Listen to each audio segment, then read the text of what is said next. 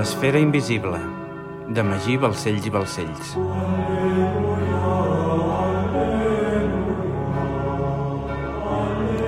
De la mateixa manera que entenem l'utopia com el que no existeix en cap lloc, l'eucronia és el que no existeix en cap temps. Les trames desenvolupades en aquestes pàgines parteixen d'un punt real del passat, però introdueixen determinades variables que mai van ocórrer, desviant la història de la seva llera fins a crear un univers paral·lel i fictici, una ucronia que es troba al marge de la història i el temps. Qualsevol similitud entre aquesta ucronia i la realitat històrica és pura casualitat. Una visió. Dilluns, 18 de març de 1314, París, Regne de França. Palplantat davant les cendres enfront de la catedral de Notre-Dame, un nen de 7 anys mirava amb horror el cos d'un home carbonitzat.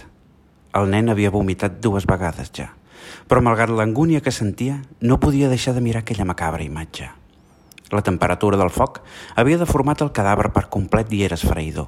La pell s'havia cremat i deixava entreveure tots els teixits del cos socarrats i tenyits de sang resseca. Tenia la llengua inflada, la boca oberta, el tòrax trencat amb algunes costelles a la vista i un tros de pulmó cuit sobresortint. L'olor era indescriptible i nauseabunda. La cendra i la carn cuita en descomposició transmetien una sensació d'angoixa i terror horripilant. Eren molts els que havien advertit al nen que era millor que no assistís mai a una crema pública, però la seva curiositat era tan gran que no se'n va poder estar. Aquell dia, tan bon punt va sortir el sol, el nen es va escapar i es va dirigir apressadament cap a la catedral de Notre-Dame. Es feia difícil transitar per la gran quantitat de gent que hi havia. Les ribes del Sena estaven plenes d'homes i dones en actitud festiva, bevent vi, menjant, rient i esperant el moment de l'espectacle. Cobertes amb una manta, hi havia dones amb els cabells tenyits de colors estranys, mostrant els seus pits als homes a canvi d'unes monedes, persones jugant a daus i fent apostes, joves cantant i ballant i dones xiu-xiuejant històries a les orelles. El nen no entenia per què li havien dit que no assistís a la crema si resultava que la festa i l'alegria envaïen cada racó d'aquell indret i era un espectacle públic en tota regla. Esmunyint-se entre la gent, van avançant fins a ser prop de la pira, i va escalar sobre un carro que hi havia per poder observar la totalitat de l'escenari. La gent ocupava tota la plaça, deixant espai només per una gran llotja de fusta elevada que hi havia davant de la catedral, coronada amb una gran creu i dos estandards blaus sembrats amb flors de lis daurades. El nen va mirar atònit les cadires de la llotja, observant que dues d'elles sobresortien sobre la resta. En una hi havia assegut un home molt alt amb una corona al cap, i en l'altra un home més aviat baixet que vestia com si fos un important mossèn i que portava un estrany barret que semblava un ou abraçat per tres corones. De sobte, la turba va començar a cridar, a xiular i a insultar, mentre els guàrdies reials obrien un passadís entre el populatxo. Sostingut entre dos guàrdies, un home molt vell, prim i demacrat, amb una llarga barba blanca, avançava amb dificultats. Tenia pocs cabells, la pell resseca, un aspecte molt pàl·lid i els ulls enfonsats i inflats. Se li veien tots els ossos i articulacions sobresortint, en especial els pòmuls, i tenia l'aspecte d'un esquelet recobert d'una dèbil capa de pell. Tenia un munyó a la mà dreta, li faltava l'orella esquerra i tenia l'orella dreta deformada per complet. Li costava caminar i fins i tot aguantar el cap en alt. Mostrava un estat de fragilitat penós que feia pena de contemplar i semblava que ja estigués mort. La gent el cridava al seu pas, l'escopien i li tiraven objectes. Els homes es movien els uns contra els altres per intentar veure'l i quan ho aconseguien proferien un crit d'odi contra el vell. Alguns resaven per la seva ànima, altres miraven d'observar-lo sense dir res, però la immensa majoria s'abalançava per tirar-li pedres, peix podrit, fem o el que tinguessin a l'abast. Un cop al centre de la plaça es va avançar un home amb un paper a les mans i després d'anunciar el nom i els càrrecs del reu de forma pública va dir heu estat jutjat i declarat culpable per la vostra pròpia confessió dels delictes d'heretgia, idolatria, simonia i blasfèmia contra la Santa Creu. Per això heu estat condemnat a morir a la foguera. Unes últimes paraules? Amb veu tímida i trencada, el vell va dir que li agradaria morir contemplant la façana de Notre-Dame. L'home que havia llegit la sentència va donar les ordres pertinents. Els guàrdies van canviar els feixos de llenya de cantó i van lligar el vell al pal de forma que pogués veure la catedral i també la llotja règia. El vell mirava extasiat la façana sense pensar en el torment que li esperava. Per res del món se sentia culpable de tots els delictes que li atribuïen. Al contrari, se sentia responsable d'aquella obra d'art i de totes les catedrals que s'havien alçat arreu de la cristiandat.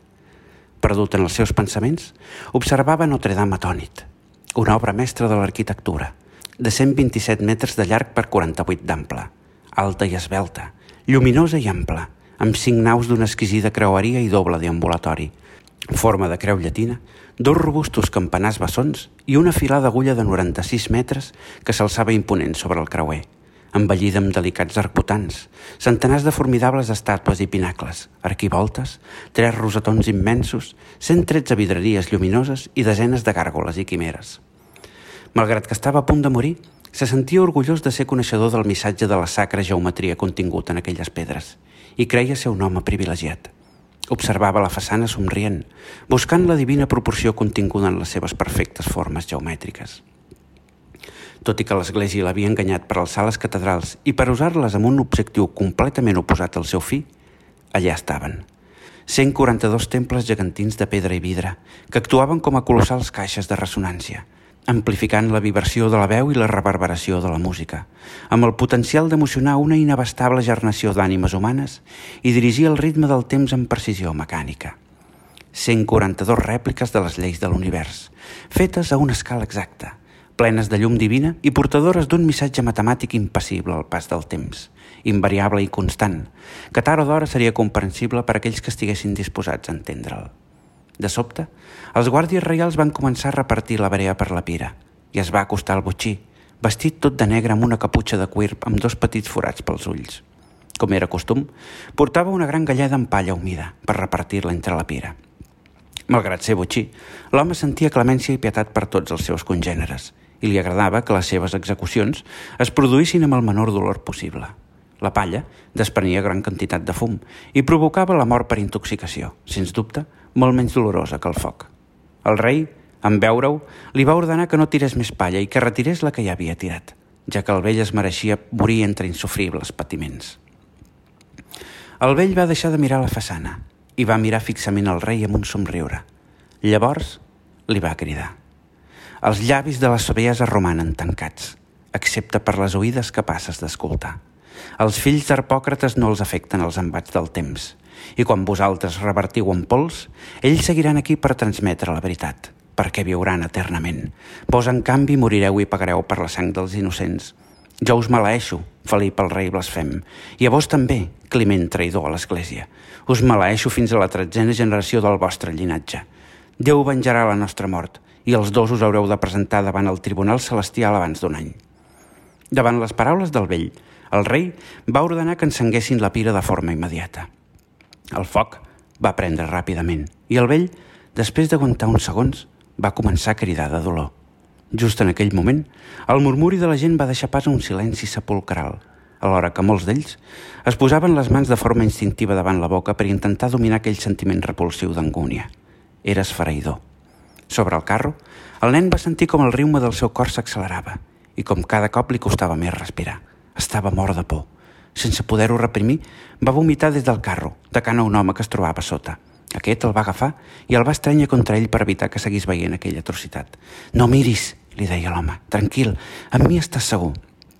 El vell cridava tan fort que encomanava el terror a tothom. Lligat en el pal, sentia que l'ardor era cada cop més intens i insuportable. De sobte, va sentir com els pèls de les cames i els braços se li cremaven i una forta olor de socarrat es va fer present. Podia sentir com la pell de les seves cames es contreia i es trencava, com els músculs es desenganxaven del cos i com la calor li cremava la gola i les vies respiratòries fins al punt d'impedir-li cridar. De sobte, va sentir que li començaven a xiular les orelles i que li fallava l'equilibri. Finalment, la vista es va enfosquir i va perdre els sentits. El rei va veure com el vell inclinava el cap i deixava caure tot el seu cos er de vida sobre la pira. Es va girar cap al papa Climent i li va somriure la nova aliança entre el regne de França i el papat estava definitivament segellada.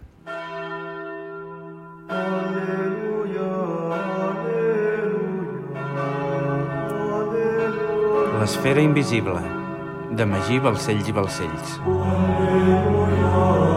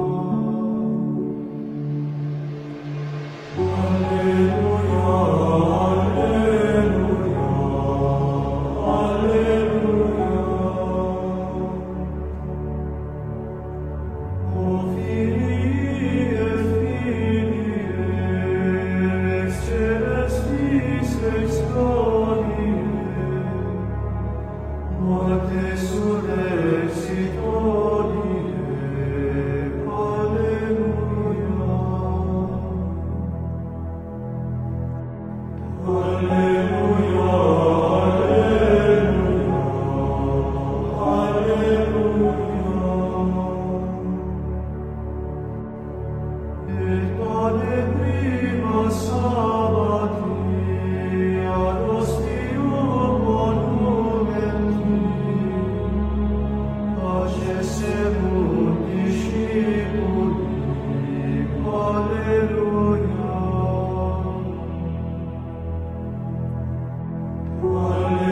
Alleluia.